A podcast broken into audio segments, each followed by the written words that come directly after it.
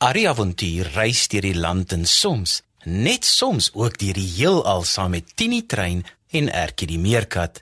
Hy's bang vir niks en saam met sy maats verskaf hulle vermaak aan groot en klein. Klim op maats, die storietrein gaan vertrek. Tini is 'n stoomtrein op sy eysterspoor. Arrie is sy passasier, hy soek avontuur. Die Bybel is hul kompas, dit hou hul op die spoor. Van alles wat met jou gebeur, kan jy by hulle hoor. Ertjie is 'n maatjie, 'n meerkat van die veld. Karosie is 'n stoute aap, hy doen gewone kwaad. Ertjie en Karosie en Arrie ook daarbey. Is almal net so spesiaal, so spesiaal soos jy. Kom nou maat skuif nader, luister bietjie daar. Is dit dalk die Tini trein wat ek daar gewaar?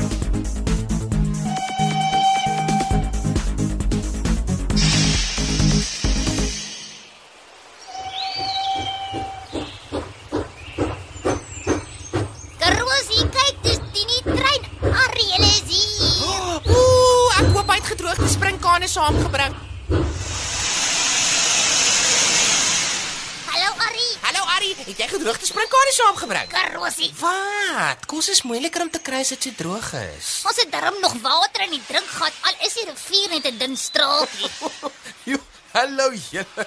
Ja, Karosie gaan kry daar binne by oom Koos. Ooh, lekker. Jy's 'n goeie mens, Arrie. Jy help die omgewing, jy help diere en jy help mense. Ek probeer, maar dis nie net ek nie, Ertjie. Sonder oom Koos en Tini trein sal ek nie kan doen wat ek doen nie. Dis is ons meerkatte. 'n Meerkat kan nie goed werk so heeltemal alleen op jou eie nie. En dis bietjie soos die organisasies wat julle mense het wat ander mense help waarvan jy ons vertel het. Maar nie alle mense is goed nie, Arrie. Dit is so ja. Maar voor jou en hom Koos het ek altyd gedink dat alle mense net sleg is. Ons het altyd so geleer oor dinge en verskillende mense. Ons het 'n seun ontmoet wat wilde diertjies vang en vasmaak.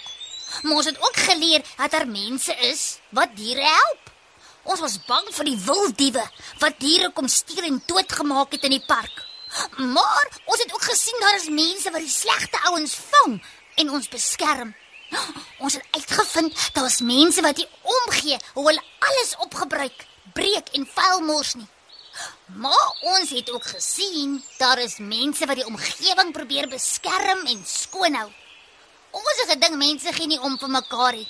Maar ons het gesien daar's mense wat mekaar help. Sjoe, Ertjie, jy's nostalgies vandag. maar ek is so trots op jou dat jy die dinge so mooi begin agterkom het. Ek, ek ook Ari. Ja, ja, jy ook Karosie. Uh, Ari, was daar in die Bybelse tyd ook organisasies wat mense en diere gehelp het? Ja, Ertjie. Uh die apostels was baie besig om meer en meer mense te vertel en te leer van die storie van Jesus. Maar mense het ook praktiese hulp nodig gehad. Hulle het sewe diakens aangestel om te help sorg vir die armes en die siekes.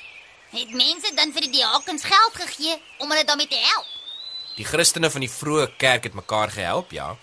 Hulle het al hul besittings bymekaar gesit en dit gedeel. Van die ryker Christene wat baie eiendom besit het, het van dit verkoop en dan die geld aan die kerk geskenk. So ek dink mense kan dit sien as 'n vroeë vorm van 'n organisasie wat geld ingesamel het om mense te help, ja. Moes Petrus hulle die mense vra om dit te doen of was dit hulle eie plan? Wel, sover ek kan agterkom uit ou briewe wat geskryf is, is niemand gedwing om skenkings te maak nie. Hulle was almal so lief vir mekaar omdat hulle almal aan die familie van Jesus behoort het, dat hulle graag ander mense wou help. Een storie wat die Bybel ons wel van vertel, waar daar iets fout gegaan het met een van die skenkings, is die storie van Ananias en sy vrou Safira. O, oh, wat het hulle gedoen, Harry? Oh, hulle het seker al die geld wat die mense geskenk het gevat en weggehard het om weer vir hulle self. Oh, Nie heeltemal nie, maar hulle was oneerlik, ja. Ananias het 'n stuk grond verkoop en beloof om al die geld wat hy daarvoor kry aan die kerk te gee. Nadat hy die geld gekry het, het hy dit in die kerk gegee. Ehm um, ek ek verstaan nie die probleem nie, Ari. Wel, Ananias het al die geld aan die kerk beloof. Maar nadat hy die geld gekry het, het hy 'n gedeelte van die geld teruggehou vir homself en het 'n deel van die geld vir die kerk gegee. Wag, ek verstaan nog steeds nie wat hy verkeerd gedoen het nie, Arrie. Dit was tog sy geld. As hy nie die geld wou skenk nie, moes hy nie gesê het hy sou nie. Dalk het hy gedink dit laat hom belangriker of gawer lyk om al die geld te beloof. Dalk kon hy meer geld kry vir die grond omdat hy dit as 'n skenking sou gee. Ek weet nie wat presies sy rede sou wees om oor so iets te jok nie. Hy het seker gedink niemand sal weet as hy van die geld hou nie. Maar dit was verkeerd van hom om daaroor te jok. So dit klink asof hulle daarvan uitgevind het. Net so ja. Petrus het vir Ananias gesê dat hy nie net vir die mense gejok het nie, maar vir God self. Nadat Petrus dit gesê het, het Ananias op die grond geval, kaplaks, soos iemand wat flou geword het. Ah, dood. Net so. Dood. Hulle het hom toe begrawe, maar so 3 ure later het sy vrou hom kom soek. Sy jok toe ook oor hoeveel geld hulle vir die grond gekry het wat hulle sou skenk. Safira het ook dood neergeval en hulle het haar ook gaan begrawe. Sjoe.